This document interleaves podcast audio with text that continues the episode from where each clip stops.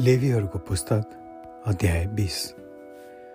परमप्रभुले मोसालाई भन्नुभयो इजरायलीहरूलाई भन्।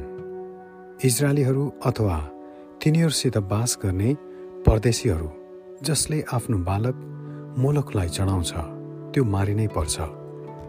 समुदायका मानिसहरूले त्यसलाई ढुङ्गाले हानुन्। त्यसले आफ्नो बालक मोलकलाई चढाउँदा मेरो पवित्र स्थान र पवित्र नाउँलाई अपवित्र गर्छ। यसकारण त्यसको विरोध गरेर म त्यसलाई आफ्ना मानिसहरूबाट बहिष्कार गरिदिनेछु।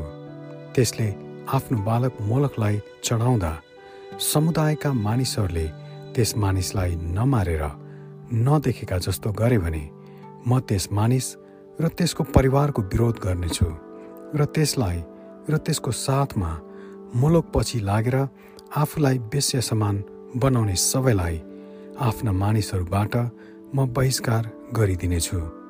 जुन मानिस झाँक्री बोक्सी र जादु मन्त्र गर्नेतिर लागेर मलाई विश्वासघात गर्छ त्यसको विरोध गरेर म त्यसलाई आफ्ना मानिसहरूबाट बहिष्कार गर्नेछु। आफूलाई ममा अर्पण गरेर पवित्र हो किनभने म परमप्रभु तिमीहरूका परमेश्वर हुँ। तिमीहरूले मेरा विधिहरू पालन गर। तिमीहरूलाई पवित्र तुल्याउने परमप्रभु म नै हुँ। जसले आफ्नो आमा बुवालाई श्राप छ त्यो मारिनै पर्छ। आफ्ना आमा बुवालाई सरापेको कारण त्यसको अपराध त्यसकै शिरमाथि परोस्। यदि कसैले अर्काकी पत्नीसित बेविचार गर्यो भने बेविचारी र बेविचारिणी दुवै मारिनै पर्छ। आफ्ना बुवाकी पत्नीसित सहवास गर्नेले आफ्ना बुवाको अनादर गरेको हो ती दुवै मारिनै पर्छ। तिनीहरूको अपराध तिनीहरूकै शिरमाथि परोस्। कुनै मान्छेले आफ्नी बुहारीसित सहवास गर्यो भने ती दुवै मारिनै पर्छ। त्यो दुराचार हो। तिनीहरूको अपराध तिनीहरूकै शिरमाथि परोस्। कुनै मानिसले स्त्रीसँग सम्भोग गरे झैँ पुरुषसित गर्यो भने त्यो घृणित काम हो। तिनीहरू मारिनै पर्छ। तिनीहरूको अपराध तिनीहरूकै शिरमाथि परोस्। कुनै मान्छेले आमा र छोरी दुवैलाई राख्यो भने त्यो दुष्कर्म हो। त्यो ती दुवैसँग जलाइनुपर्छ र तिमीहरूका बिचमा यस्तो दुष्कर्म नहोस्। कसैले पशुसित सम्भोग गर्यो भने त्यो मानिस मारिनै पर्छ र त्यस पशुलाई पनि मारिदिनु। यदि कुनै स्त्री पशु सम्भोगमा फेला परी भने त्यो स्त्री र पशु दुवै मारिनै पर्छ। तिनीहरूको अपराध तिनीहरूकै शिरमाथि परोस्। कसैले आफ्नी बहिनी अर्थात् आफ्ना बुवा वा आमापट्टिकी छोरी विवाह गरेर तिनीहरूले यौन सम्बन्ध राख्यो भने त्यो लाजमर्दो कुरा हो। ती दुवै आफ्ना मानिसहरूका बीचबाट बहिष्कार गरिउन् त्यसले आफ्नै बहिनीको अनादर गरेको छ। त्यो आफ्नो अपराधको निम्ति उत्तरदायी हुनेछ।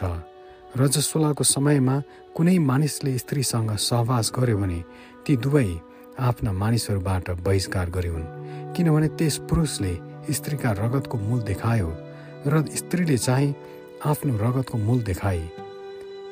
तैँले आफ्ना बाबु र आमाकी दिदी बहिनीसित सहवास नगर कारण यसबाट नजिकका साइनोको अनादर हुन्छ।